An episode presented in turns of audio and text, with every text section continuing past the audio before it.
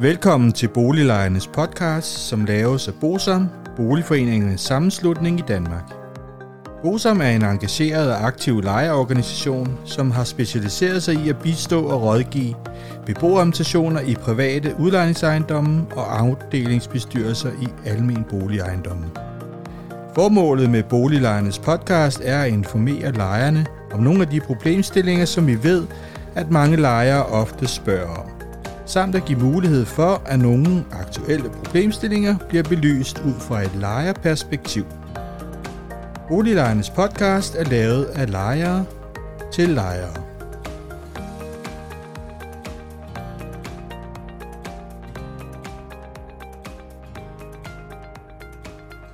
Hej og velkommen til dette afsnit af Boliglejernes podcast, som vi har valgt at kalde Blackstone-indgrebet et år efter. Dagen i dag, det er årsdagen for det lovindgreb, der øh, trådte i kraft den 1. juli 2020. Det såkaldte Blackstone-indgreb. I studiet, der er jeg, Martin Frederiksen og René Sur. Og baggrunden for indgrebet, Blackstone-indgrebet, det var, at især på det storkøbenhavnske boligmarked – havde der været nogle store udlandske opkøb af ældre ejendomme fra før eh, 1991.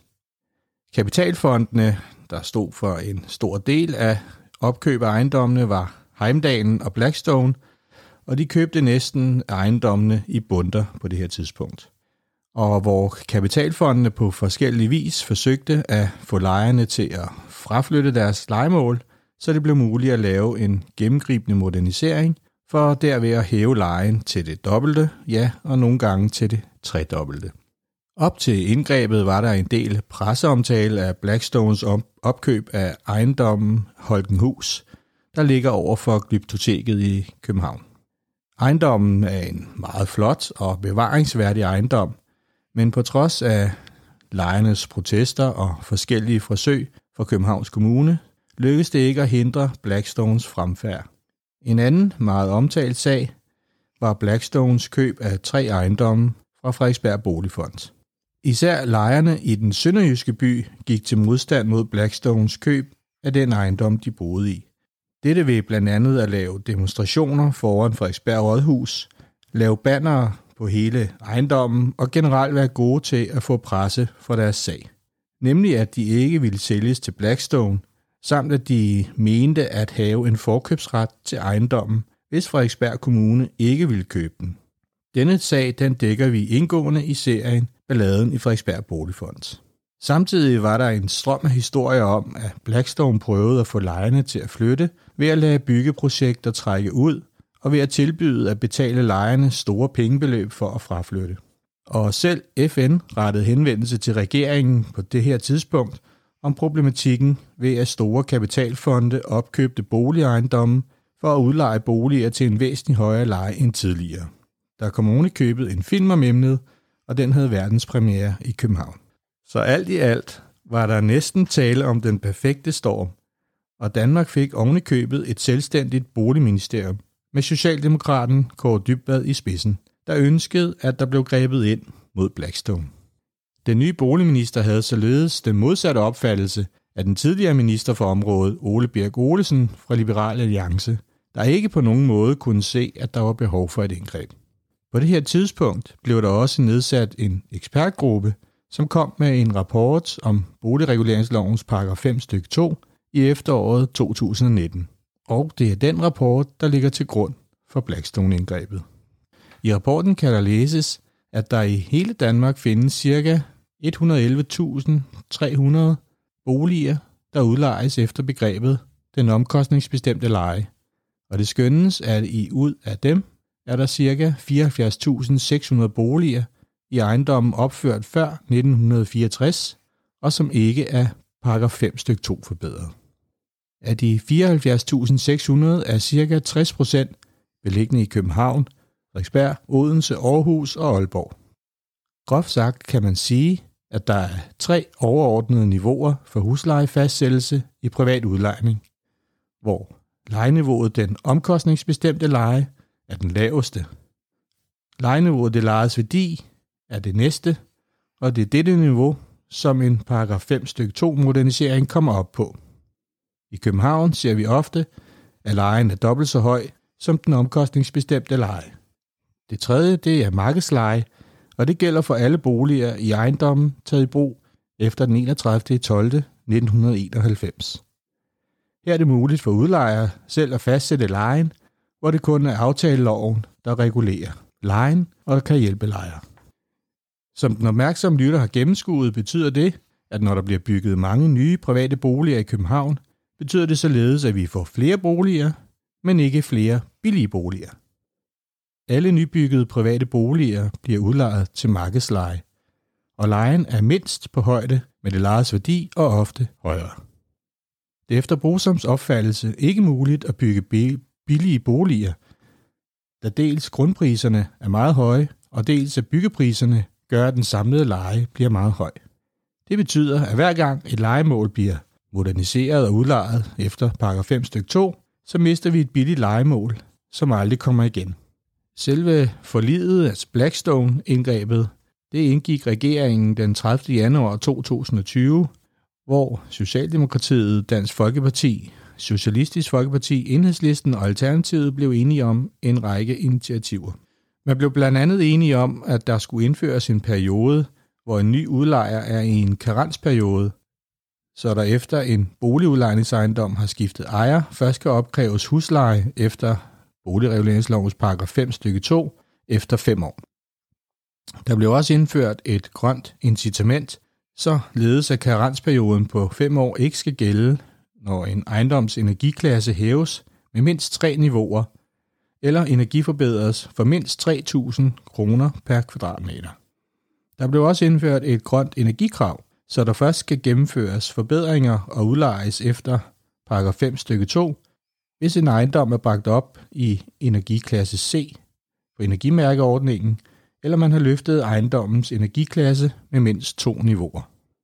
Så øh, blev man også enige om, at man ville begrænse, hvor meget huslejen efter pakker 5 stykke 2 kan stige, i det man besluttede at fjerne den såkaldte marken for det lejedes værdi. Der blev i aftalen også enighed om, at man ville styrke lejerne i tvister mod udlejerne. Herunder skulle der også ske en styrkelse af huslejenævnene. Man mente, at det ikke skulle kunne lade sig gøre at presse lejere ud af deres hjem, så derfor så forbød man, at udlejere måtte tilbyde lejere penge for at opsige eller fraflytte deres lejemål. Dertil skal det siges, at lejerne fortsat har en ret til at indgå en frivillig aftale om en fraflytning.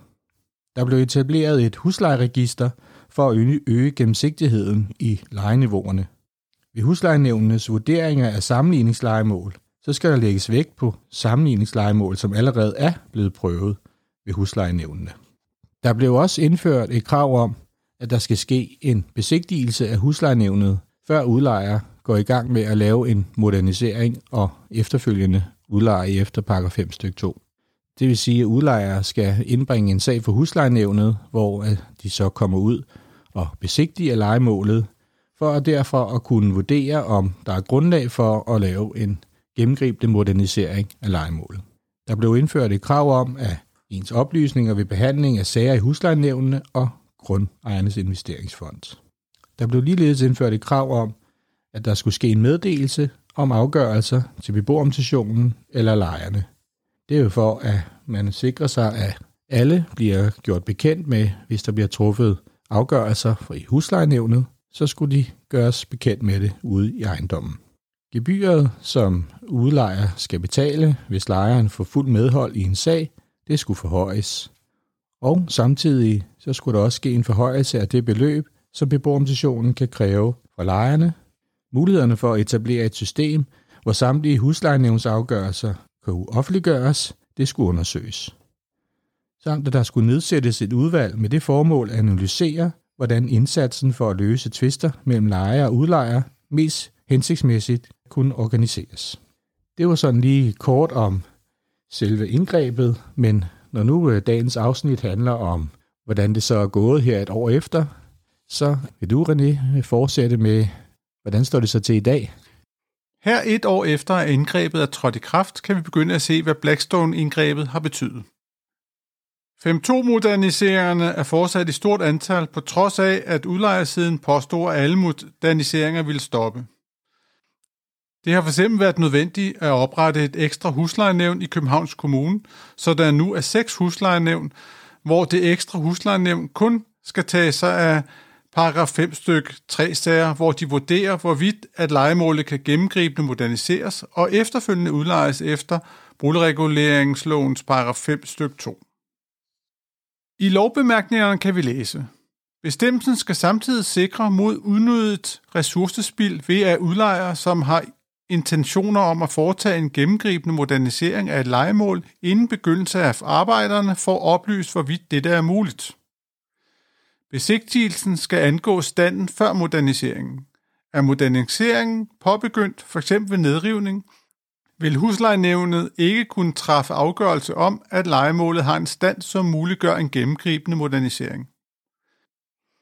Allerede i august sidste år var det nødvendigt, at vi i det huslejenævn, jeg sidder i, afholdt et ekstra huslejenævnsmøde kun med paragraf 5 styk 3 sager. Bosom har ved en agtindsigt til Københavns 6 huslejenævn fået oplyst, at der er indbragt 774 sager vedrørende paragraf 5 styk 3 i perioden 1. i 7. 2020 indtil slutningen af juni 2021. Bosom har endvidere fået agtindsigt hos Frederiksberg Kommunes ene huslejenævn, hvor der er indbragt 341 sager i samme periode. Det vil sige, at alene i København og på Frederiksberg er der samlet set 1115 boliger, som udlejerne har forsøgt at omdanne til dyre boliger, der kan udlejes efter paragraf 5 styk 2. Hvis vi forholder os til ekspertrapportens tal om, at der på landsplan er 74.600 boliger, der kan moderniseres og udlejes efter paragraf 5 styk 2, og 60% af disse er beliggende i København og på Frederiksberg, betyder det, at 2,5% af de billige boliger har udlejerne ansøgt om at ændre til dyre boliger i København og på Frederiksberg. Men det er vigtigt at huske, at i Odense, Aarhus og Aalborg indbringes der også mange sager, så konklusionen er, at de billige boliger forsvinder med stor hast. At det derud er nødvendigt at oprette to såkaldte nødhuslejenævn i juli måned, hvor der kun skal behandles paragraf 5 styk 3 sager, viser noget om, at udlejeren desværre ikke er stoppet med at lave gennemgribende moderniseringer. Og jeg mener, at der er for mange paragraf 5 styk 3 sager, der bliver godkendt. Ejdom Danmark udsendte en pres, pressemeddelelse, hvor de sammen med ABF skrev, over 160.000 andelsboliger vil blive ramt negativt af et indgreb mod boligreguleringslovens paragraf 5 styk 2. Konkret vil en ejer af en typisk andelsbolig på 80 kvadratmeter i København tabe ca. 280.000 kroner på sin andel, hvis muligheden for gennemgribende moderniseringer begrænses, og ejendommen falder 25% i værdi, men tabet kan også være væsentligt højere. Realiteten blev ifølge en artikel i Berlingske den 17. april 2021 at priserne steg 3-5% i det seneste år. Der er en del andelsforeninger, der er blevet opløst og overtaget af pensionskasser, da de derved kan undgå karensreglen og udleje efter boligreguleringslovens paragraf 5 stykke 2, når øh, lejerne flytter. Så var der en helt stribe tiltag omkring at styrkelse af lejerne, og man besluttede, at beboerorganisationerne skulle have lov til at opkræve mere til deres arbejde, men det er vigtigt at sige, at det er lejen, der betaler 100%, og det har ingen påvirkning på udlejer. Vi kan alt i alt konstatere, at det efter vores opfattelse stadig er nødvendigt at få afskaffet paragraf 5 stykke 2, da den omkostningsbestemte leje gør, at det er muligt for almindelige mennesker at bo i byen til en fornuftig leje. I aftalen om Blackstone står, det forventes at medføre en reduktion af sager ved huslejenævnene, og sammen med forhøjelsen af gebyret i sager, hvor lejer får fuldt medhold, forventes det at frigøre ca. 4-5 millioner kroner årligt. Midlerne prioriteres til en generel reduktion af sagsbehandlingstiden i huslejenævnene til gavn for retssikkerheden for både lejere og udlejere. Parterne er enige om løbende at følge op på, om der sker en tilfredsstillende reduktion i sagsbehandlingstiden, og er en videre enige om at drøfte yderligere initiativer, hvis det viser sig nødvendigt. Parterne er enige om løbende at følge udviklingen på det private udlejningsområde. I den forbindelse udarbejdes en årlig status på initiativerne, herunder med en vurdering af deres effekt. Parterne er enige om at drøfte behovet for eventuelle ændringer eller yderligere initiativer på baggrund af en samlet evaluering i 2022.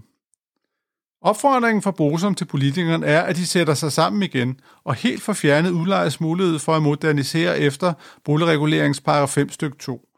De billige boliger forsvinder med stadig stor hast og kommer ikke igen, og de nybyggede boliger er ikke billige boliger. Alternativt bør politikerne få lavet nogle justeringer af aftalen, så den bedre lever op til de gode hensigter med, at det er muligt for alle, uanset indkomst, at bo i vores store byer, da vi ikke har noget ønske om at ende som London, hvor det kun er rige mennesker, der har råd til at bo.